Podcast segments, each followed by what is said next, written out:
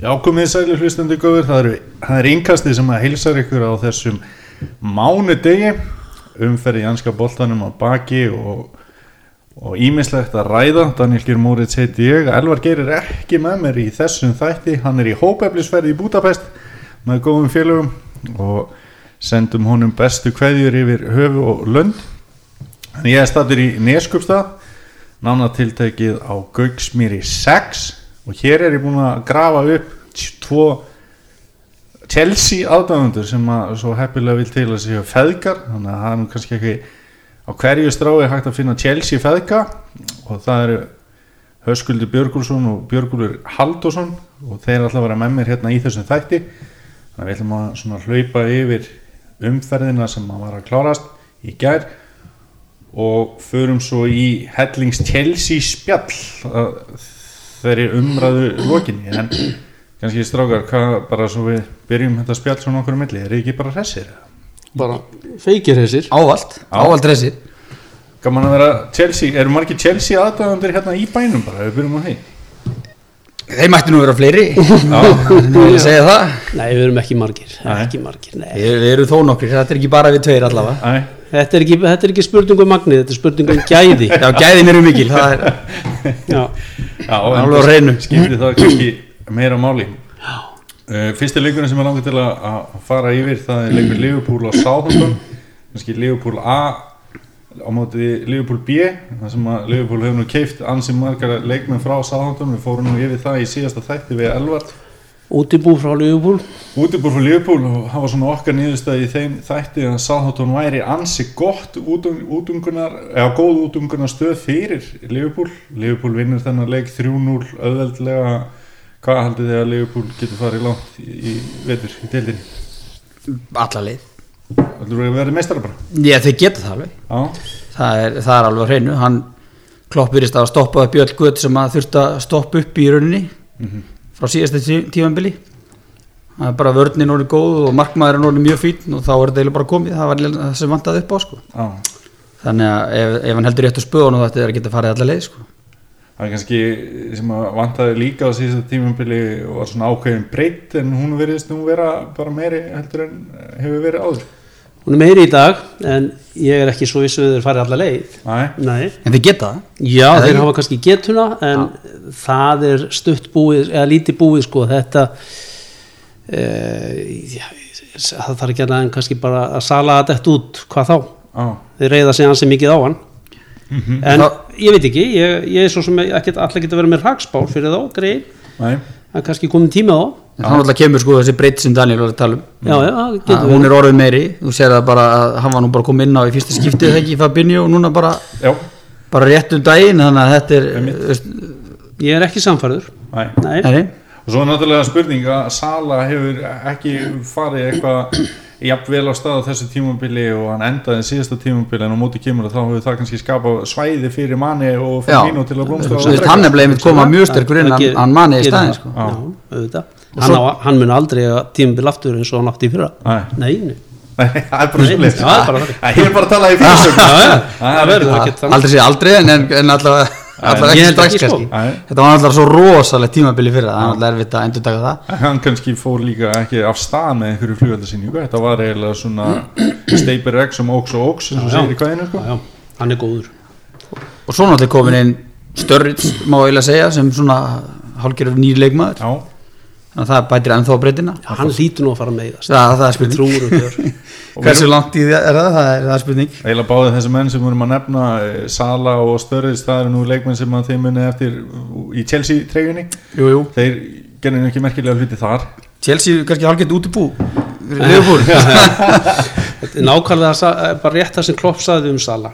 Hann var bara ungu drengur þegar hann var hjá Chelsea hann var ekki dórn og þroskaður til að, og kannski fekk ekki nóg mikið sem Nei, ég veit ekki, ekki. sko. En hann hefur bara þroskast mikið að fara til Ítali og já, já, já, hann er bara drullu góður.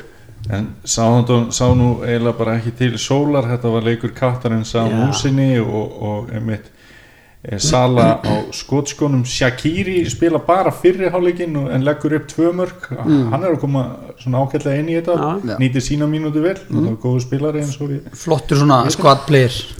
Já og kannski akkurat hvað vantaði eftir að náttúrulega alveg svona keiftur og svo fann dag kom hérna í janúar. Hvað vantaði þú mikið í veist, það var kannski ekkert eitthvað það mikið. Og þá er það kannski svona leikmenn eins og Shakiri sem getur munað um þegar langt tímabil er á enda. Já. er sérstaklega eins og núna hvað erum við að tala um einhverja 6-7 leiki hjá þeim sem, að, Já, sem eru gríðarlega mikilvægir og erfiðir bara núna í röð. Já, akkurat. Einmitt. og þeir eru náttúrulega búinir að spila sjö leiki á þessu tímabili við tökum meistaradeild að leiki með og, og unnið á alla sem er náttúrulega Já. reynd magnaðar árangur. Uh, Nó um það Manchester United Wolves stjóri Manchester United er fyrir um stjóri Chelsea hvað sem eitthvað líka betur að vera Jose Mourinho. Um, þegar Jose Mourinho kemur til Englands þá uh, býður hann upp á einhvern skemmtilegasta bolta sem hefur verið og situr ábygglega bara var það ekki þá sem hann situr markametið eða var það þegar hann kom hérna, já, var það ekki? Já, ég held að það hafi verið á öðru eða þriða tímambili eða eitthvað, öðru tímambili Já, hann gerði þess í, í fyr- fyrri Já, í fyrir veru sinni. Já, akkurat. Þarna akkurat hjá verður að Chelsea segja. og- 2005 Hvort hvort tíðabil sem það var. Já, og hérna að því að, og svo á hann líka markametið á Spáni og hann á líka markametið held ég alveg öruglega í Portugal og þetta er svona stjóri sem að bauð upp á mikla skemmtun en eh, undir að síðasta hjá Chelsea og, og inn á alla sem utan. Já, innan sem utan, nákvæmlega en, en svona undir að síðasta hjá Chelsea og kannski sérstaklega núna hjá Manchester United þá hefur hann ekki beint verið að blása í blöður Nei, enga veginn sko. Það- Ég veit ekki, ég er alveg hvað við komum upp á kallinum. Þetta er bara síðasta tímabili á Chelsea var náttúrulega alveg svakalegt sko. hann náttúrulega rústaði Chelsea þar. Já, og þar misti ég allt áldó já algjörlega. Og, og, og er það eifumáli? Eva, já, já, já, bara potti þetta í fyrsta leik bara fyrir framann alþjóð að stúta stelpunni þarna alveg gjössaðanlega þetta var bara, ég hef aldrei ég líti hann ekki trömmu hugum aftur það er bara þannig og, og var úr háum söðlega falla, þú veist, var hann í miklu uppáldi hjá þér? Já, svona- ég var alltaf að reyna að verja hann sko, það var alltaf, alltaf verið að þú veist, allir að tala um að hann er alltaf að, að, að hérna, parkera rútunni eins og að tala um og svona og, og ég var alltaf að reyna að haldi þetta ég minna að varnaleikur er líka leikur sko. Já. það er ekki bara sóknarleikur sem að, að þetta byggist upp á. Og hann er, að- hann er sigurvegari hann, er hann er að ná stigum og hann er að ná byggurum út á þetta. Ég veit þetta er ekki skemmtilegt en ég hekk alltaf í þessu að reyna að, Já, að, bakka hann upp. Já. Ég rætti því ég hætti því með ég hætti með Já, já, það skulle hvað segir Ég, sko, Hann er alltaf verið rosalega umdildur og, og hérna eins og pappi segir þetta, maður er alltaf verið að reyna að verja hann sérstaklega þegar að það gekk rosalega vel hjá Chelsea og, og, en hann sko var ekki í þessari gríðalögu neikvæðin eins og hann hefur verið síðasta tímabölu með Chelsea og núna upp á síkasti það er svona eins og neikvæðin hafi farið alveg á eitthvað annað plan hjá hann þá er rosalega erfitt að, að að halda fórum að verja. Nú sem betur við þar maður þess ekki, hann er komin í mannsturinn og þar maður ekkert að vera að verja. Hann Nei, nei. við En- grátum ekki töpu stig. En hérna maður gleymir ekki því sem hann hefur gert. Hann, star, hann breytti Nei, náttúrulega nei, bara auðvitað. hann breytti Chelsea og eiginlega má segja ennsku fótbolta hann og, og, og hérna, hann er náttúrulega bara að rísa frangvandastjóri í, í sögu Chelsea og, hann, Já, það, og það, gleymist, úrvalsdeildarinnar bara. það Já, gleymist aldrei sko. En, en mann finnst líka svo áhugaverð sko, þegar hann er stjóri Real Madrid og þá vantaði svona aðeins upp á ákveðinu kapla þar og þá kallar hann Mikael Essien, Þangað og hann, seg, hann segir við fjölmila þegar pappi kallar þá kem ég sko. Og veist, þá bara svona lítur hann þannig augum og, og, og margir fyrir um leikmenn hafa verið með hann í guðatölu og, og allt það. En núna er einhvern veginn bara miklu meira en stríði við leikmenn heldur en einhverja föðurímynd eða væntum þykju sko. Já, það hefur verið svolítið um svona rifrildi og kannski alveg svona í barnalegi rifrildi bara við leikmenn Já. og í fjölmiðlum sem að hafa Já. kannski ekkert verið rosa gott en eins og nefnir sko með pappi kemur eða komið þegar að hérna, pappi kallar veist, Já. þeirra voru nú aðeins í margir Essien og Drogba mm -hmm. Materazzi hjá hérna, Inter, hann grét nú bara þegar hann fór sko, en þetta er ekkert rosalega mikið í dag þó þið kannski lítur nú alveg upp til að svo virðan sko. þá kannski er ekki þessi þetta, þessi sambönd orðin svona sterk sko. Nei, hann er ekki alveg með sömur stöðu þetta er mikið sálfræði hjá hann líka Já, Já, svo má minnast á það náttúrulega líka sko, eins og sko, hann tók til dæmis Joe Cole. Já, man, ég man alltaf eftir að Joe Cole átti, átti þrusu, þrusuleik. Hann var maður leiksins á móti, mann ekki alveg hvaða liða var hvort það hafi verið liðupúl eða, Já, eða annar lið. Og hann rakkar hann niður eftir leik. Hann svona er, hefur oft verið í þessu að brjóta kannski leikmenn svolítið niður til þess að byggja það svo upp einhvern veginn. Já, og þarna bara rakkaði hann eiginlega niður fyrir að sinni ekki varnavinnu og hitt og þetta sko, þó hann hafi eiginlega verið maður leiksins. Já, og hann var mun betri leikmaður fyrir vikið og þetta var eiginlega hans besta tímabil. Já, að hérna, hann held hann svolítið á jörðinu svona, en hann er kannski búin að þetta er svolítið grófari aðferðir einhvern veginn í dag hjá hann sko, eins og með sjó og þetta sko, þetta er reyndari sjó að síma kallinu Akkur- núna. akkurat, þess vegna datt mér hug Joe Cole sko. en eins og Mkhitaryan hann fer. Já. Martial, það er ótrúlega að hann sé ekki farin svona miða við Mm. allt og allt þannig að maður er ekki alveg að- þessi er spurning sko, hann er eiginlega að taka þetta aðeins lengra sko. Hann er, þetta er aðeins grófari hjá hann í dag en þeir sem kannski halda sér Já. eins og sjó er búin að halda sér er núna kannski að, Mhm. að að fara að sína sig þá. En sumir þólið ekki þeir fara. Það voru blíkur á lofti á Manchester United í sumar og tímabili hefur ekki farin eitt rosalega vel á stað. Arsenal til dæmis tapar fyrstu tveimur leikunum sínum en er núna komið fram úr Manchester United stegarlega Áttu United að fara inn í þetta tímabil með Hosea Mourinho? Já, Já, já það held ég. Mm. ekki spurning.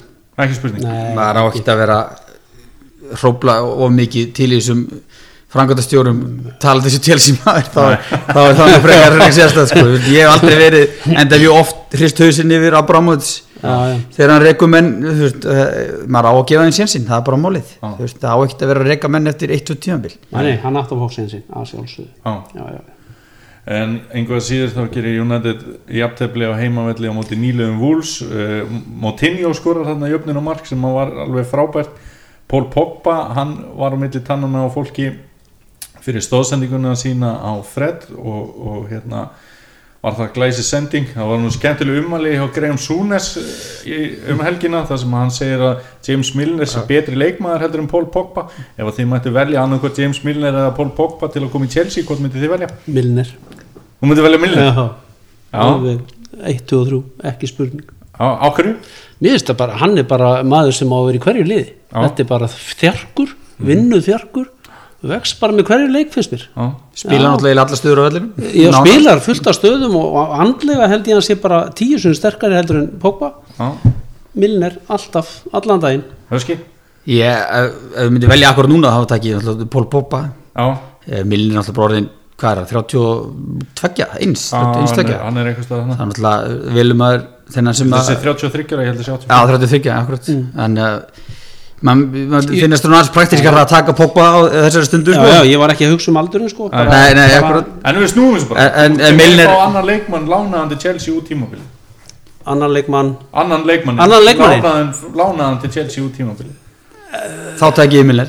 Þú tekið það Milner Já, ég, bara þeir þurfa ekkert Pogba akkurat núna En ég myndi alveg þykja Milner til þess að leysa allar þessar stöður á vellinu Já, ok. Þetta Allan- tímabil allan daginn. Já. En annars tek ég Pogba. Æ, Þetta er svona áhugavert með Pól Pogba hvað hann hefur fundið sig illa því að við sáum á hinsmestaramótinu í sumar að þetta er á góðum degi jafnvel besti miðjum Já, að svo, svo á hann þrusu leiki sko inn á milli. Það er- Þó hann eigi nú lélega líka sko.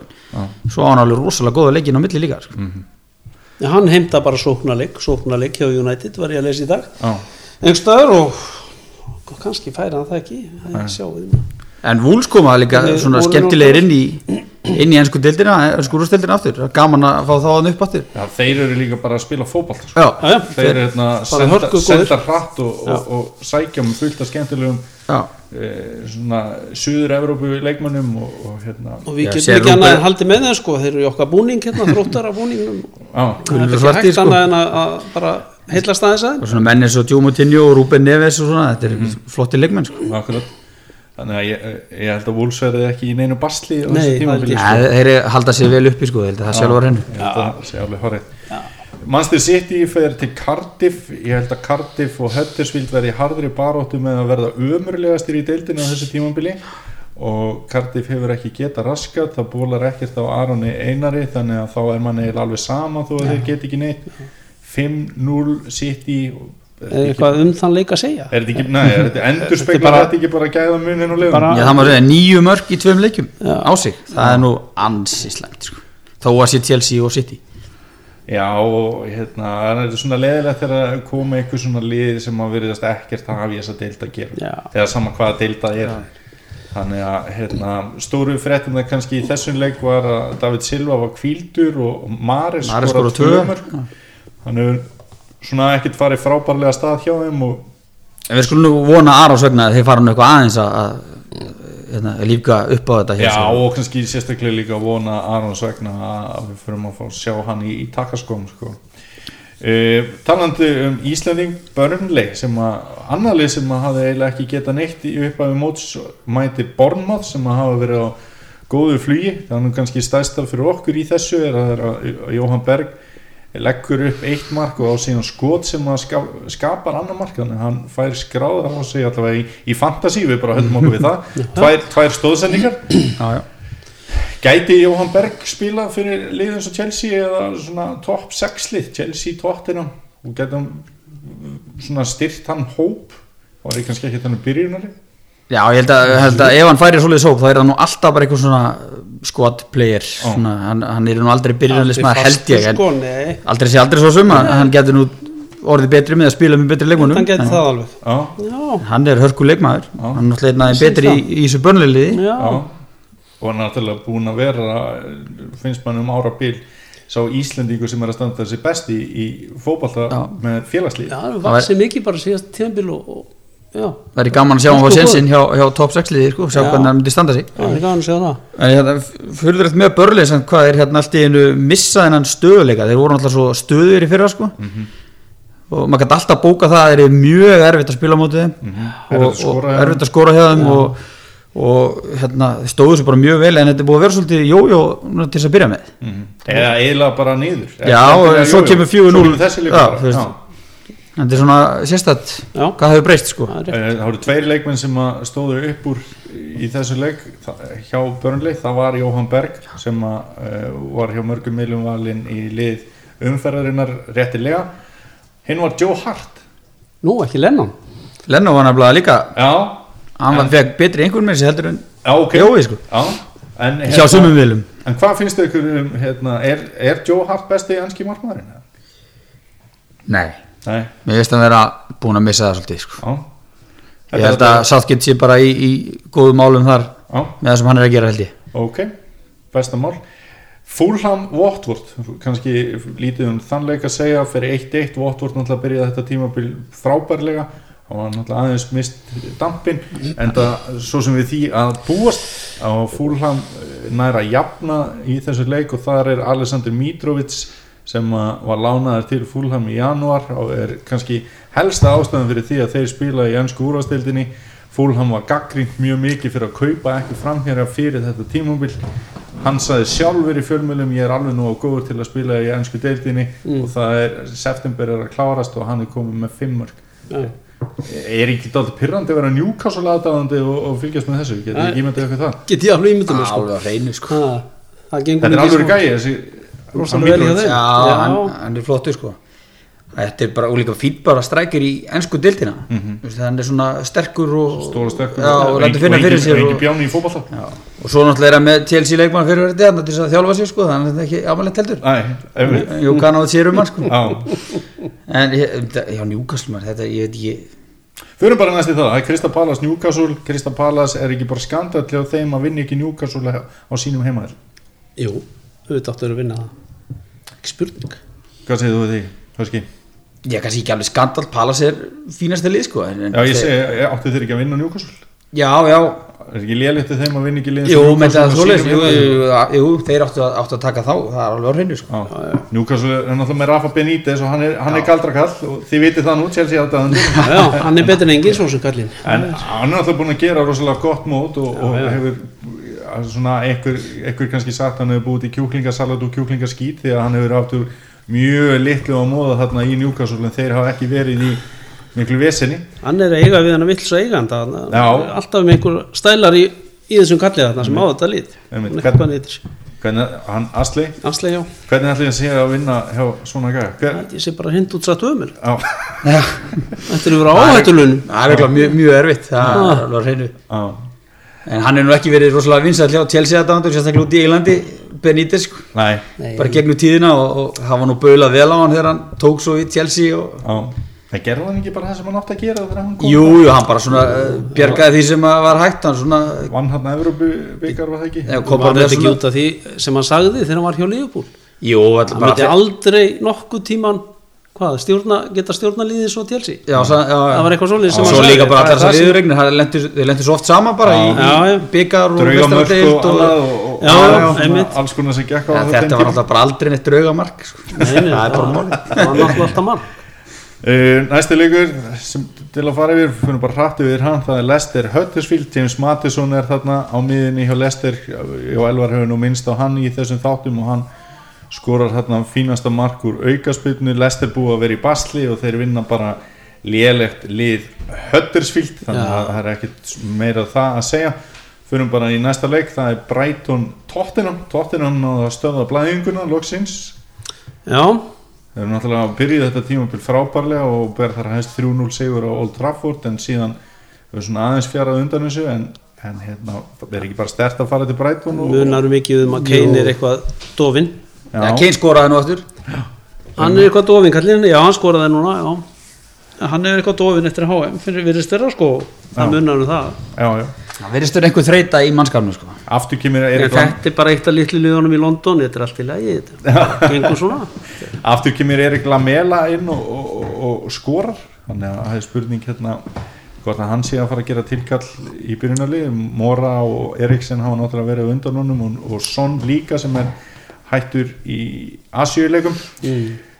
Já, þá erum við búin að hlaupa hérna svona yfir þennan laugardag og þá er komið að gerdeginum og ég ætla að byrja á mínum mönnum og enda þessa yfirferð á eitthvað mönnum og þá förum við út í þetta Chelsea þema þáttanins frekar Arsenal 2, Everton 0 torsóttur sigur hjá Arsenal það sem að líti gekk í fyrri hálfleik svo skoraði glæsilegt mark í, í uppafi setni hálfleiks Alessandro Lacazette sem að skorar alltaf þegar hann byrjar. Og svo uh, fór línuvörðurinn í, í jólasveinabúning og gaf Arsenal mark sem átti aldrei að standa sem að var þetta setna mark sem að Aubameyang skorar kól, kól rángstæður uh, Petter Cech hann fekk ekki? mikið lof eftir þennan leik og Gilvi og félagar þeir eru bara í vondum mál já, það gengur bara illa hjá þeim. Ég sá að ég átti Liverpool ekki vona á því. Það er svona þórðar gleði hjá Liverpoolmönnum að, að einhver var að setja á Twitter að núna væri Evertón bara einum glugga frá því að geta eitthvað. Sem er náttúrulega skot að þeir áttu engan smá félagaskiptar glugga í, í sumar og, og fengu stjóra sem að mörgum hefur þótt spennandi.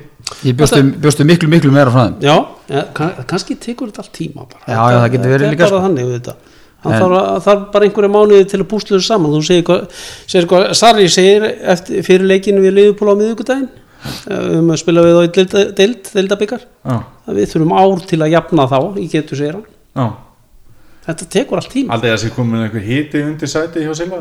Nei, það að það getur ekki verið. Enga trú. Nei. eins og sagði hann, það á ekki að vera reyka menn svona strax. Nei, nei, nei. bara gefa hann tækifæri, hann stóð sér vel með Watford Mm Byrja- byrja- Þangað til að hann stóð síðla já, það kemur sákabli hjá öllum er já, það já, ég, ég myndi bara halda triðið hann allavega í, áfram út tímabilið og, og þess vegna næsta og fara þá að hugsa, um- hugsa málið sko. já, já, gefa mér nú síðans en, en, en hérna Arsenal á ekki laka sett bara að byrja? Jú, jú. Það er á hann ekki bara að vera þarna frammi? Jú, jú, Það held og, Aubameyang hefur líka nýstliðinu betur þegar hann er vinstamenn Já, hann er náttúrulega ekki þessi svona hrausti framherri og frekar að koma inn í hlaupónum og þannig Já, að hann hefur nýst betur á kantinum og laka sett svona sterkari Já, og, og akkurat, og meiri sko. meiri svona eh, nýja. Arsenal með hörkulið tvinglið og hvað hva haldið þið að Arsenal geti, geti farið langt? Þeir eru hérna búin að valda vonbreyðum síðustu ár þannig og er út úr meistaradeildinni núna og, og er að spila á móti liðum sem að maður er ekki viss hvort að séu til í alvörunni í Evrópakefninni já, við konnustu það. Já, þannig að er, er komið tími á að þetta verði topp fjórir? Er Arsenal betra heldur en til dæmis Tottenham eða er, gæti Arsenal enda ofar en Chelsea? Já, ég myndi þetta getur það. Já. Þetta er alltaf, þetta er svolítið svipað í Arsenal og Chelsea, þetta er svolítið svona úskrifa, úskrifa blað, þeir komin í nýju þjálfarar. Þeir eru, Svolítið að nýjum þeir eru báðir að reyna að breyta rosalega miklu. Ég myndi bara segja topp 5 Já, pottit og top 5 Já, ég og, held og jafnvel, jafnvel í meistaradildasæti Já, Já, já, þetta er hörku þjálfara náttúrulega báðir og, það. og hérna, ég þeir geta það náttúrulega alveg. Já, já. Arsenal menn, það er alveg hægt sko. Eitt sem að uh, ég saknaði í þessu leik það er Henrik Mkhitaryan en mér skilst að hann hafi verið meittur mér hefur fundist hann spila betur heldur en með svo döðsill Þetta er fyrsti leikur Arsenal á tímabilinu sem að þeir halda hreinu og hafa þeir nú oft verið Já. bara svona skemmtiatriði í varnarleik. Mhm. Það sem er mjög áhugavert, nú kemur hann Emery og er stjóri og, og allt rosa flott. Mm. það, mér fannst eiginlega rannsókarnar efni að Steve Bold hafi haldið sinni vinnu sem þjálfari hjá Arsenal. Já, þegar hann kemur náttúrulega inn og, og er náttúrulega kannski, hvað að segja, hann er topp 30-40 varnamenn sem hafa spilað í ennsku úrvasteildinni eða eitthvað. Mhm. Náttúrulega var frábær á sínum tíma en hann hefur ekki hann hefur ekki hjálpa varnarleik Arsenal. greinileg, ekki, sko. Hlut Ekki haft mikil áhrif á það. Æ. Nei, það er sagt hjá þér, þetta er allt skrítið hann skildi það. Já, og veist að þegar voru miklar væntingabundna til hans þegar Pat Ræs fer þarna út og hann kemur inn í staðin en þetta hefur bara verið mikið verra ef eitthvað er Maður veit ekki hvað gengur á hann á bakvið. En hann er kannski bara eitthvað að trúa á hann Þjálfari, núna Emery, Já, Emery eða hvernig á að segja þetta. akkurat Segjum þetta bara eins og Já, viljum sko, bara eins og Joey í Friends. En hérna e, þá er eitt leikur sem við hefum þá eftir að minnast á. Það er West Ham Chelsea. Fyrsti leikur Chelsea sem að þeim mistakst að vinna í deildinni á tímabilinu. Stráku hvernig var þessi leikur? Pirrandi. Fyrirandi og fyrir eitthvað döfur Fyrir eitthvað bara, mér finnst helsiliði bara daburt Já, Já, þó þið við áttu leikinn frá upphæðu trenda nánast já, eða sem sé boltalega séð. Það var komin það nokkur segir enga sögu. Þegar þú skorar ekki þá, Það var komin nokkur svona pirrandi leikir þar sem að þeir eru með að þeir náttúrulega leggja núna upp með það greinilega að halda boltanum eins og þau geta og spila stutt á milli sín og margar sendingar og þetta. Já, að hérna, þá verða þeir svona og skora svo ekki til en kannski á síðasta korterinu sko. þannig að maður er alveg svona í bara pirringi já, svolítið langa tíma sko.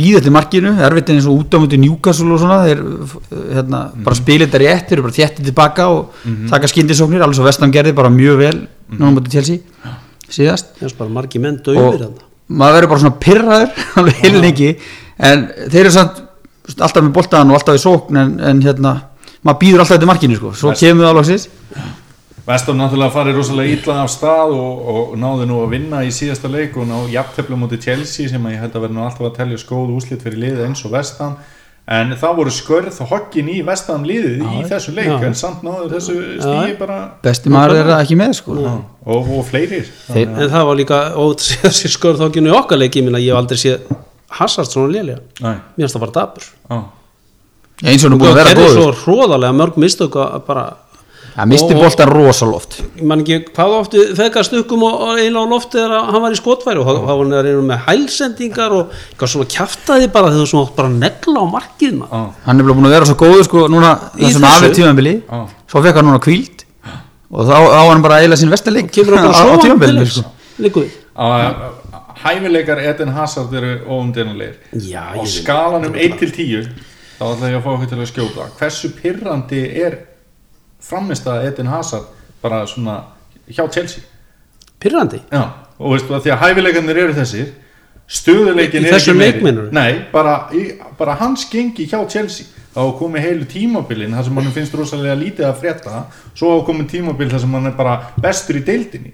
Meina, er ekki frekar pirrandi að vera með þennan gæja? Ég segi nú bara eins og Karrager bara undanfærin fjögur, fimm ár þá er Eden Hazard besti leikmaður í ennsku deildin Já, bara yfir höfuð. Þannig að þér finnst Punktur. þannig að þú ert bara alltaf mjög ánægð með. já, Já, heilt yfir á, mjög ánæður ég hef alltaf aldrei hugsað þetta svona eins og þú leggur það upp sko. Nei, er átt sko, verri tímabil. Já, en þau eru aldrei eitthvað hræðileg sko. En ef við- hann er alltaf með alveg góð tímabil eða frábært tímabil. Já En við tökum bara, þú veist, eins og Kevin De Bruyne hefur verið að gera og svo hefur verið, hefur verið talað um Eden Hazard oft í sömu setningum og bara Messi og Ronaldo Mhm. og, veist, og, og, og hvað hann hefur gert til dæmis í heimsfóbaltanum bara með sínu landsliði og svona Já. en svo kom bara fullt af leikjum eins og þið, ég er alltaf með miða við gæði, Já, sko. bara eins og þið voruð að tala um en að við vestan erum leik náttúrulega að taka með í reikningin að, að allt liðið var á hælónum til dæmis þegar Mourinho rústaði þeim í fyrsta leik með Evu. Já, þá náttúrulega missa, misti liði bara sjálfstöðust en það sjálfstu hvernig þeir spiluðu eftir það.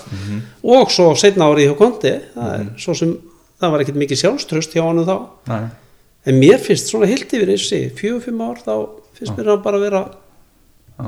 það, það sko, Já, tæknin er náttúrulega gríðaleg Já. það tekur svolítið ekki af sala í, í fyrir að hafa átt nei, það nei, það er eitt ár. Það er Já, eitt, já, ég er að meina já. svona heilt yfir í, í fjögur, fimm sko. mér finnst David Silva ljósárum betri síðustu fimm ár heldur en Edin Hazard. Já, svona ef við tökum eitthvað, eitthvað nafn sko. Mhm. En það er alveg rétt, veist, ég hef ekki hugsað kannski hversu pirrandi það er, en maður er oft svona paltið í hvenar hann nær kannski örlittlu meira og er það komin á Messi, Ronaldo. Ég meina Edin Hazard á að vera með 20 mörg á tímabili í hans skúrastil Sari segir hann í að gera 40 í vetur. Já það er bara hann Nei, ég meina það er ekkert óeðalegt að setja þær kröfur á þessi nei, gæði. nei, alls Nei, ekki. en svo, svo má líka kannski hugsa út í það hverjir hafa verið að þjálfa sko? þeir hafa alltaf rosalega oft farið í kannski svona örugari þjálfara sem eru taktist góðir og frekar varnasinnaðir Já, Og- miklu minna frjálsræði. Tal, þú veist, bara eins og útileikurinn gegn City í fyrra með Conte sko, það er alltaf bara Það er er bara eitt af versta sem ég nokkuð tímann hort á í Chelsea Chelsea sögunni bara Já, því líkt og hann það er bara alveg ótrúlega og hann það sást nú bara í viðtölum eftir leik hversu pyrraðar hann var. Það var náttúrulega bara að því að hann vekk bara þau fyrir um að máttu ekki gera. Já, bara gera sem minnst og, og, verja sem mest skilur við, þetta var eiginlega bara þannig gera sem minnst fram á því og það náttúrulega kannski er líka einhver partur af þessu. Perlum er hent fyrir svín þegar Edin Hazard á að spila mikið varnarleik. Já, svolítið. Gengur ekki. Nei, meina þú með kanti og einhver svona í liðinu þá bara sjá þér um það og, og, og leifa hinnum að, að blómstra fram á því sko. E, það voru svolítið skrítin leikmannakaup hjá Chelsea fyrir e, síðasta tímabil. Það sem að koma Danny Drinkwater og Ross Barkley og eitthvað svona. En það var aðeins meira upp á teiningnum og meira að frétta fyrir þetta tímabil. Og þá kannski sérstaklega Jorginho sem að var lengi vel á leiðinni til Manchester City allavega marka, má, taka á fjölmunum þetta er alveg gæi. Já, já, og náttúrulega henda náttúrulega bara e, leikskipulegi Sarri bara alveg 100% hann veit hvað á að gera þarna og Mhm. þurfti ekki að- að e, koma neinu fyrir í hausnum og honum. Hann bara la- labbar hann á öllinu og hann stjórnar. Hann sér það bara í öllu leikjum. Hann er allstað öskrand á leikmenn og, ég sko það er náttúrulega bara því að hann kann þetta allt saman. Já, og það er, það. er hann sem er að kalla alla til og segja þeim hvert er að hlaupa og hvað er að gera sko. þó hann sé nýkomin í liði sko. Já, og kann þannig að eh, það er, það er gaman að sjá það sko. Og maður sér líka það fer einhvern veginn allt í gegnum hann. Ef þú, ef, þú tekur sendingar í, í leik sko sem kom oft upp þá er uh, náttúrulega bara liðið allt með mörg hundru sendingar en hann er með kannski 140 bara einn og sér sko. Já. Og það fer allt í gegnum hann. Sko mér finnst hérna sá sem að er langt bestur í sinni stöðu í ennsku úrastildinni þá er ekkert til að tala um að vera bestur í deildinni eða eitthvað svona en bara bestur í sinni stöðu. Veist, við getum tekið eins og, eins og Kante sem er ógæðslega góður í sinni stöðu. Mér finnst hann ekkert eitthvað miklu miklu betri heldur en til dæmis Matits þegar hann er á deginum sínum sko. En bara langt bestur í sinni stöðu er Markus Alonso. Er það, er þetta ekki bara langt besti vinstri bakkurinn í þessu til Jó, það má bara, Jú, þetta er gæði sem getur allt. hann já, hann, hann, hann hefur sína veikleikar sko. Hann, varnarlega séð, þá er Já. hann mætti nú vera betri varnarlega séð. Já, já.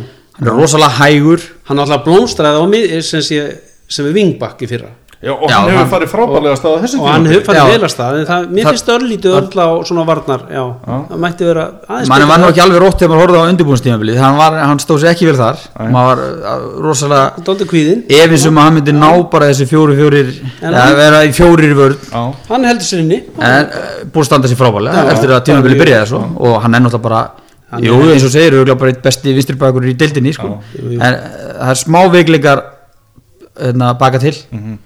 Svolítið hægur og ekkert alveg sá besti varnalega en hann er frábær sóknarlega sko. ég er mikill aðdáðandi allavega já, mikill aðdáðandi Hver á að byrja sem. Já, hver á að byrja í framlínunni hjá Chelsea? Giroud. Klárt. Alveg klárt. Já, bara ég veit ekki hvað að gera við Morata. Nei. bara, ég bara átta ekki á því alveg. Sko það er það sem að lýsir Oliver Giroud hvað best er að hann er byrjunarliðismæður hjá heimsmeistaraliði frakka Mhm. sem er langt besta liðið á heimsmeistaramótinu og hann skorar ekki mark. Það bara er ekki allt sem það segir bara ekki allir söguna það er bara málið. Maður sér um leið og hann kemur inn í tjelsilið þá er hann að valda þvílíkum usla hann er að hérna, halda leikmönnum hjá, hann sérst, fær boltan, heldur boltanum og dregur þessi leikmenn, gefur boltan strax á einhvern annan sem að sér þá um að skora sko. meðan að, að þetta hefur bara ekki gengið alveg með luppi um orða Hann betur re- en orða bara eins og er alltaf. hann reynir og reynir greiði kallinn. En það bara er ekki alveg að ganga upp hjá hann og mann hefur líka samt ekkert fundist vera að það er ekki vesin á hann þú veist, eins og utanvallar eða ekki eitthvað til. Hjá Morata? Nei, Nei. nei, eða, það hann er hefur ekki verið svona faglegur í þessu. Já, algjörlega, já. það er ekki hann er ekki kvartar ekki neitt og, sko, nei. hann fóð náttúrulega stað í janúar rosalega áhuga að vera hringekja í, í, í sendir á málið þar sem að Arsenal, Dortmund og Chelsea fóru í eitthvað svona sirkus sem að maður hefur bara ekki vita til. Greitt ekki öll liðin á því Batshuayi fyrir til Dortmund Aubameyang fyrir til Arsenal og Giroud fyrir til Chelsea. Er ekki bara öll lið brosandi eftir, eftir það? Jú, það verður að seg- segja spöðum svo er, ég meina Dortmund færa þarna mann sem skoraði hvað sex mörg allavega fyrstu sjöleikina eða eitthvað þannig, að- og, og Giroud kom bara vel hann inn. Já, stóð svo vel. Hann var að vísu bakk upp fyrir Morata náttúrulega til þess að byrja með en hann kom, og, kom inn á mæti Sáhandón og skoraði tvö mörg og bjargaði þeim leik og, fer frábærlega stað ja, Og svo- vel af stað á þessu tíma og er eiginlega langt komið núna með að vera búin að taka byrjunarliðsætið af Morata? Og, og er bara já, þetta er bara mjög fínt fyrir alla held ég. Hver eru væntingar eitthvað til Chelsea á þessu tíma Já, ég vil alltaf að ná mistrættilsæti það sem er alveg, alveg krafa sko. ég Það ætla bara að vera því, sko. djarfur og halda mig við bara mistaran já, við bara vinnum þetta. Já. Já.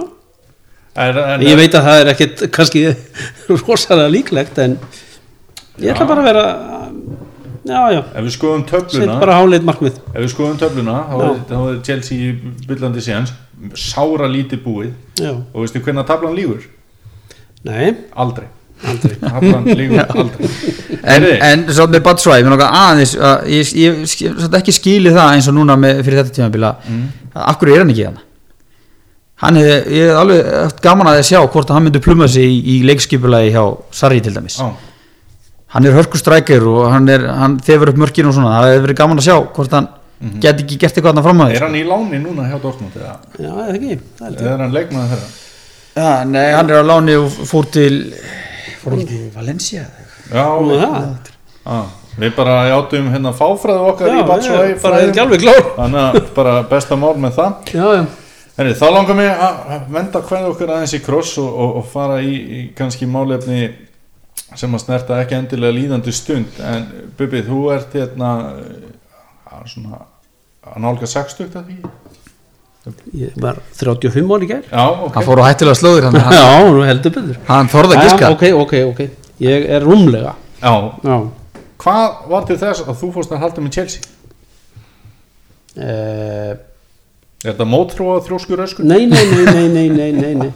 Eh, sko hm, ég bara auðvitað alltaf gífilega ná á fótbolta sem múlingur og, og spilaði hann með þrótti hérna og allt það. Mm Varst í mörg ár dómari, svo það komið fram líka? já, já, og eftirlistómari og ég veit ekki hvað, og hvað. en hérna ég var lengi að- að reyna að ákveða mig sko, það gekk óað illa. Fyrst var það Wolves, Já. minni mig út af búningunum, Já, einhvern tímann hafði ég svaka áhuga á hérna City, já, það stóð stutt. Já. Og hérna kom svo, það komið örglega fram og e, Liverpool skal ég segja, það er allt skrítið að, að ég skul ekki vera Liverpool aðdáandi, að hérna bara nummer eitt í dag sko. Að þeir voru frábæri á þessum tíma sem ég var að búningur. Mhm og bara ég fylgdist alltaf með þeim svona úr fjarlæð og uppáhaldið mitt var kíka, nummer sjö. Og ég var alltaf nummer sjö líka sko, út af því. Og eiginlega jafn góður og hann? En já, svona Já, slagar í kannski það. hallaði aðeins á hann slag. en hérna Jafn skrítið- báðir jafn, já. En skrítið sem þetta að ég skildi ekki verða liðbúl maður. Já, uh, út af því, en ok, skýtt með það. Já. það er 1970, þá byrja ég. Já. að þá verða þeir, vinna þeir hvað hérna, Evrópu deild eða eitthvað svona þá verða þeir Evrópumistarar og þá, þá bara bara. Þar með var það búið. Já, og, og það held sér bara. Já. Og svo fjallu þeir. Já, hvort það var einu sinni eða hvað, ég manna það nú ekki. Og ég gæti ekki hugsað mér að eiga ekki neitt lið þarna upp í fyrst deild mm Mhm. eftir deildinni. Þannig að ég brá mér í Aston Villa þá með hann Já, já. með ég beið eftir hérna, mínum önum upp aftur. tók eitt frænda sem með sér í það. Tók eitt Hann frænda Halldór- minn Halldór með mér í það. Og- og svo þegar Chelsea kom upp aftur þá auðvitað held ég áfram. Og hann situr ennþá með Villa greið Já.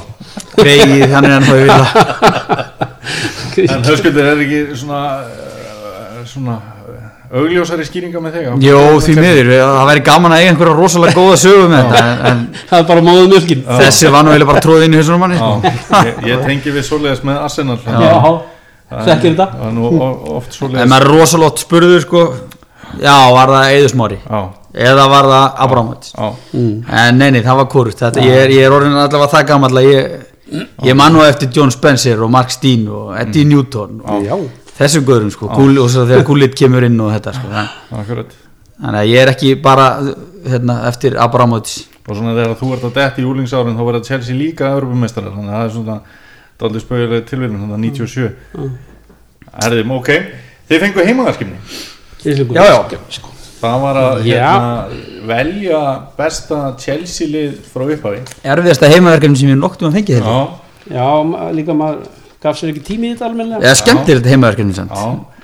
Það er náttúrulega Þið eru með sikkvort liði Þannig að ég ætla svona að reyna að átta maður því hvort liðið mér finnst betra eða hvernig það er.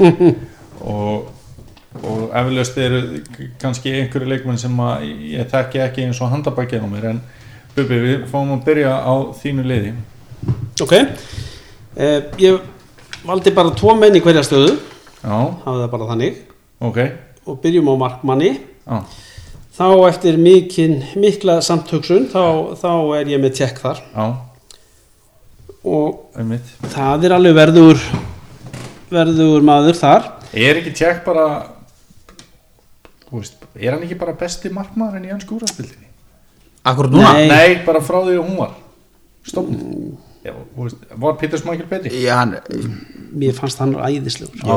já, mér fannst Já. það er ekki, verður maður ekki já, ég held maður verður nú þetta Það voru svona sjö sem að keirðu út af núna sko, Ah, já. sem er að hlusta já, Smækil verður nú að eiga þann títilum Já, Tjekk ég- er ég nú er, er mjög líklega best Mér fannst það nú og, og til vara eða sem hvað var að segja til vara eða nummer tvö þar setti ég mann okkur sem heiti Peter Bonetti. Og var kallaði The Cat. Aha. Hann spilaði bara aðeins 729 leiki fyrir Chelsea sko. Ég mann eftir honum sko að hann var þú tjekk í marki, hverju kom í vörðina? vörnin er að sjálfsögðu kongurinn þarf ég að segja hvað hann heitir? Ja, Frank Leboeuf já, já akkurat. John Terry Já, 770 leikir 67 mörg já. Og, og Frank Luböf ég sitt þá saman. Já, setur hann? Já, í byrjunalið og til var að þá sitt ég Steve Clark já, og Marcel Desai. Já. Ég nefnilega hefði Já, ekki með- sko Dessa ég hefði verið á undan Leboeuf já, þrjá miðveri ha, með þrjá miðveri nei, Nei, fjóra, Steve Clark. Hann er með tvo miðveri, hann er með Terry Tvo og. Leboeuf já, að ég líka.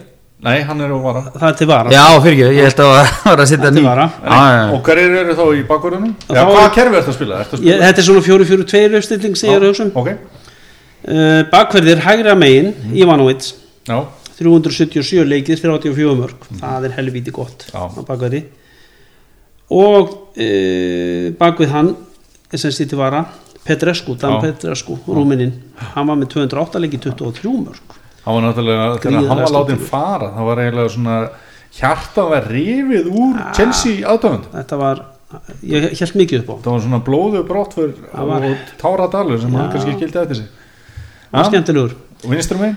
það er náttúrulega ekki, sko, það þarf ekki eins og að hugsa Nei, það er náttúrulega Dave eða Cesar Aspilqueta þú situr hann í vinstri yeah. hann er það að upplægi Já, hann fó bara í hægri hjá Chelsea bara því að það vantaði já ha.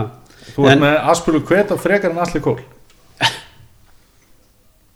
Daniel, Já, verður það ekki saman? Nei, Nei, guðana bænum Nei. Aspilur Kveta er bara eitt besti varnamaður sem er átt Ok. bara hlupaði hann getur spila alla stöður í vörninni. Já, hann er, ég er ekki með kólarninni, ég Nei. hann út. Ok.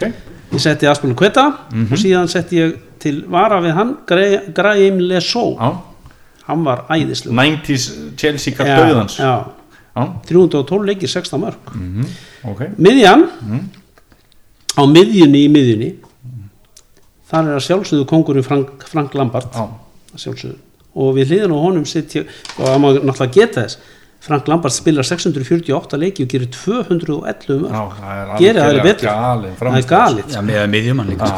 er bara og við hliðin á honum sitja Dennis nokkuð Væs Mhm. Sem gætt stopnað til rifleildis einn í liftu Já, hann var frábær. eins og Ferguson sagði. Já, Dennis var náttúrulega rosalega 445 leikir 76 mörg Já, og hver er, á, hver er að banka dyrna fyrir hann? það, e, það eru tveir eðalmenn. Já, það er fyrir að, fyrir að telja Klót Makaleli já, hann var náttúrulega geggjaður. geggjaður. Já, og svo er ég setjið þannig með honum N'Golo Kante já Makalele er náttúrulega svona einn af fáum leikmönnum sem að staða á velli er nefnd eftir. Já, það bara að tala um Makalele og hver er í Makalele stöðinni? já nú, núna? Já, veist, hann, hann, Já, hann, hann bara verið talað já, um hann þannig. já, þannig að slíkur var statusinn hann var rosaleg og köntunum? það er náttúrulega Hazard Já, og Arjen Robben. Ok. Og til vara þar er Damien Duff, Damien Duff Já, og Joe Cole ok. Hann náttúrulega var baneitrað þegar Mourinho kemur og er með þá Robben og Duff köntunum já, og þá eiginlega sáum við fyrst svona sem að er núna þetta vinsælt þess að kantsendera stöðu þannig. Þetta var alltaf búið að vera svolítið meira 4-4-2 eða 4-4 fucking 2 já, já, en, akkurat. en Duff og Robben þeir breyta svolítið þeir voru bara helvíti magnaðir. Helvíti magnaðir. Og hverju ertu þá með frammi? frammi þar er nummer eitt Didier nokkuð Drogba það var náttúrulega aldrei spurning Ég hefði farið heim eða þú nefnt það. já, 381 leikur 164 mörg það er bara ræðislegu leikmaður já. og svo besti erlendi leikmæður sem að Chelsea yfir átt og sennilega með betri í deildinni Mhm. Gianfranco Sola Já, nákvæmlega. hann má ekki gleyma þeim snillingi sko og ég er með til vara þar er ég með Jimmy Floyd Hasselbank og Eðismara Já, Já, þeir áttu, þeir voru baneitraðir í samstarfi, Já. alveg baneitraðir. Ótrúlega skemmtilegu dúo. Já, Þetta er svona York og Cole kannski svona Chelsea liðsins. Ég, ég var að skoða þetta í dag Já, svolítið. fannst mér svo, kom mér aðeins óvart þegar ég hafði ekkert verið að pæla í því svo sem en Eðismári leikur 263 leiki gerir 78 mörg Já, og ekki, og, og ekki nóg með það þá, þá næra líka að vera svona einna máttarstólpunum í búnisklefanum Já. Já, svo það líka Ásand, Lampart og Terry og fleirum og, Þessanlega elskaður hérna Já. hjá, hjá félaginu sko. Þannig að þetta eru nú svona 22 góði kallar Ok, hann hefur mm. hlaupið með þetta Hárta Check Svo ertu með og- Leboeuf, Terry og Ivanovic og miðinni eru Lampard og Weiss. Dennis Weiss Kvöntunum varstu með Robben Og og, Hazard. Og frammi Drogba Og og. Gianfranco Sola Já. Ok, höskuldur Já, Ætlar þú að reyna að skáka þessu liði? já, já, ég skal reyna það sammála, ertu alltaf sammála pappaðinu mín? Nei, ég, ég er ekki, sa, ekki samanlónum og ég, ég held að ég verður nú eiginlega að fá að leiðir þetta gamla kallir hérna Uh, ég byrjum á markmanni, ég seti tjekk þar Já. Það er bara eiginlega ekkert annars ekki um til greina. No brainer eins og sagt. Algjör no-brainer Þrátt og fyrir að þetta gói hafi verið þá höfum við tjekk. Eddi, Eddi Kói var frábær. Ekki glemma því. Hann var líka, hann var líka eitt svo myndalesti markmann sem getur fundið. En svo kemur náttúrulega Kuti Síni eftir hann og hann er ennþá betri. Já. Og svo kemur tjekk eftir hann sem er ennþá betri Já, nákvæmlega Og hérna, Courtois hefði náttúrulega örgulega verið þessi eftir nokkur ár Hefði hann haldið að ná fram En, en, en við glemum hún bara. Það er allt í leið og það er áhugavert svo bara svo því sem ég haldið til haga að Chelsea er ég eina liðið sem á markmann ársins tvö tímabili röð sem er sikkur maðurinn. Já, Ku- Kuti og tjekk Já, sem að svona áhugavert. Svo Hvaða leikir verður þú með? Svona Dimitri Karev gamli hann Já, hann var góður. rússneski. rúsneski með Já. faxið, hann var flottur. Hann var Herra, ég seti þetta upp í 4, 2, 3, 1 Já, Chelsea hefur nú svona frá allavega ég byrjaði að horfa nánast alltaf að spila með eitt frá mér Mhm. ja, mest megnið allavega. Já. Og hérna Það var náttúrulega auðvelt að breyta Já, já, það með já, leikmanni svo sóla og ég hef ekki bara byrjað því að sem að ég held að ég þurfi nú kannski hans að leira þetta er með Aspulu Kvetta er að hann náttúrulega er að upplægi hægri bakurur Já, en fór í vinstri til þess að fylla upp í vinstri bakur á stöðuna sko. ok en er svo settur núna í sína eh, stöðu sko. Og ertu með hann í hæri bakverði þá? nei, Nei. hann var eiginlega þar Á, hann var alveg, þetta er alveg ég er eiginlega bara að setja hinn af því að hann var í svo miklu uppáldi hjá mér á. Er það betra sko? það er betri sko, Já. ég get ekki sleppt honum Ok. hann var í miklu uppáldi hjá Chelsea mér legend bara. já, hann er það sko, en Aspilkvetta er náttúrulega bara, hann er búin að vera í besti varnamöðu deildarinnar sí, síðustu fimm ári Já, já. þannig að hann, Frábær. það er rosalega leðild að að sleppa honum en Petrescu, hann hefur þetta Ó. nostalgían Ok. Miður? uh, miðverðir þar voru ég eiginlega með sko tvö miðverðar pör sem að maður hugsaði mikið um Mhm. Það er náttúrulega, það sleppur engin Terry hann er náttúrulega þannig, hann var með Carvalho við liðna á sér Mhm. ásatt öðrum Mhm. Gallas og fleirum sko, en Carvalho var náttúrulega hann var, þetta par, Terry og Carvalho var rosalegt sko, Já. Carvalho var svo fljótur en Terry ekki og, en þeir svona bökkuðu hvern annan upp já. en ég og svo er hitt parið Desai og og, Le, Lebeuf. og Leboeuf en ég tók bara sikkort einn úr hvoru, ég tók Já. Terry og Desai Já, Ross með þess Já, Ok. ég get ekki slett að segja þegar hann, hann, búin, hann stjórnaði svoleiðis vörninni þarna í, þegar hann var þarna en, en hérna Carvalho og Leboeuf eru koma þarna rétt og eftir sko. Ok. og vinstri er þá Asli Kól Já. sem var gamli tekur alveg út Já. Sko fyrir mér, Hann- fyrir mér er, er Asli Kól svona jafnvel besti varnamæður í sögu enn hann skúlastöð. kom úr Arsenal Já, já. Ha. Og hann var, náttúrulega, on. hann var náttúrulega búin að fara að gera góða hluti þar Já. og vann allt með Chelsea. ég tek ekkert bara- af honum, hann er hann- þrælgúð vann sjö FA-byggara á sínu, sínu, sínu tíma maður var það vel eitthvað og hann er, hann, er enn, hann er enn að spila með LA Galaxy og, og er að fá lof fyrir sína framistuðu 37-8 ára gamall Já. Bara eitt besti varnamaður deildarinn þar ennþá. Já, og það er fyrir liðið þetta. já fyrirlið ok, þannig að ég er hérna komið já við erum komið allar Förum hverju við- hver sitja á miðinni? þeir sem sitjum með inni þeir eru tveir. Hann er náttúrulega bara gefið mál það er Makaleli eins og allir segja. Hann er náttúrulega með stöðu nefnda eftir sér og allt það. Mm og hann náttúrulega bara er fyrstum maður að blaða þarna. -hmm. Svo voru það þeir tveir Kanti og, og Essien ef maður gleymir ekki The Bison Essien og hann alltaf rosalegur. Sko. en ég setti Kanti á endanum. Ok. bara með hvernig hann hefur bara eiginlega, já, verið stóð og stýtta bara núna frá því að kom þó hann hefur verið stutt. Ég finnst að vera eiginlega næstu búin að vera óstutt til þess að fá að vera þarna sko. Ok. en, en það sem hann hefur gert á þessu stutta tíma er náttúrulega bara alveg svakalegt sko. Og þegar liðið hefur verið hræðilegt þá er hann samt verið góður sko já, ok. þannig að hann fæ bara að vera þarna Kanti og Makaleli þetta var nú erfitt að fara fram í þessi tömur Ok. Þá ertu með þrjá sóknartengi. það var með þrjá sókn tengi lið og það er náttúrulega það er saman alltaf þetta er bara, þú veist, í vördin er það Terry og það er Makaleli og það er Lampard eh, náttúrulega á miðunni, þessi þrýr eru bara fyrstir Já, og ert með hann þá í svona hólu. já, ég setja hann bara fyrir framann Kanti og Makaleli Akkurat. og hann, bara eins og hérna, statítikinn sem að pappi setur fram, þetta er náttúrulega bara þetta er ótrúlegt, að skora svona mörg mörg sem miðumæður er náttúrulega bara, Ákvæmlega. er bara fárlegt Það var, ég held að það hefði verið sama sumarið að, að hérna, Manchester United kaupir Verón og Chelsea kaupir Lampard. Og það var miklu meiri gleði hjá United Mhm. stuðnismunum með þessi kaup sín heldur nokkuð tíman hjá stuðnismunum Chelsea. Já, það, þó- það þótti nú bara e, mörgu þótti að fárlegt að Chelsea var að kaupa hann á 11 miljónum punta Já, á sínum tíma, bara hvað eru þeir að gera? Og hann síndi nú ekki til þess að byrja með en eitt rosalegt sko, en svo kom þetta bara hjá honum. Og er mögulega besti leikmaður í sögu félagsins. Já. það var svona top- top 3 þar það er ok og utan á honum? Utan á honum vinstra meginn setja Hazard. Já, hann er náttúrulega eiginlega líka nóbrennir. Já, ok.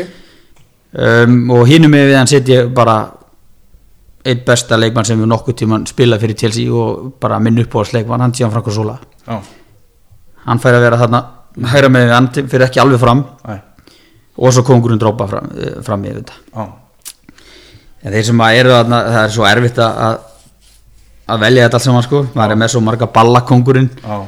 Hann var algjör kongur Balla, ég var lengi að velta balla. Hann, hann var, það verið frábært að geta haft hann þarna eins og Essien. Dennis Weiss, náttúrulega bara, bara kaftinn hann var alveg. náttúrulega alveg bara hann var alltaf Rosalegur. frábært rútt gulli til hann kemur sko. Já, já. Þetta er, við glemum ekki Deschamps sem var nú hjá þeim. Já. Jú. En hann, hann var nú svo sem ekki nála til að fara í lið Di Matteo var frábær. Di Matteo var náttúrulega eitt besti miðmaðurinn sko. Og, og fram, það var, það var kannski aðeins auðveldara með fram mér að droppa er það bara Mhm. hann ber hug og herðar yfir. Já, já.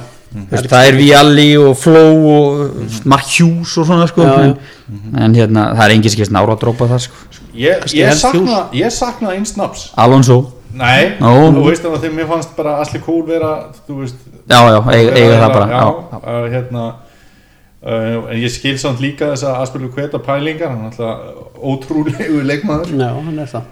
En sko það var nefnilega á tímabili þá skipti Chelsea bara oftar um stjóra heldur en mennskjælingar um strætó. Sama hvaða stjóri kom inn Jón Ópi Míkel var alltaf í lið já, hann var virkilega góður já, já í hann, Chelsea. hann stóð alltaf fyrir sínu. Og hann var alltaf uppbóldið hans hitting.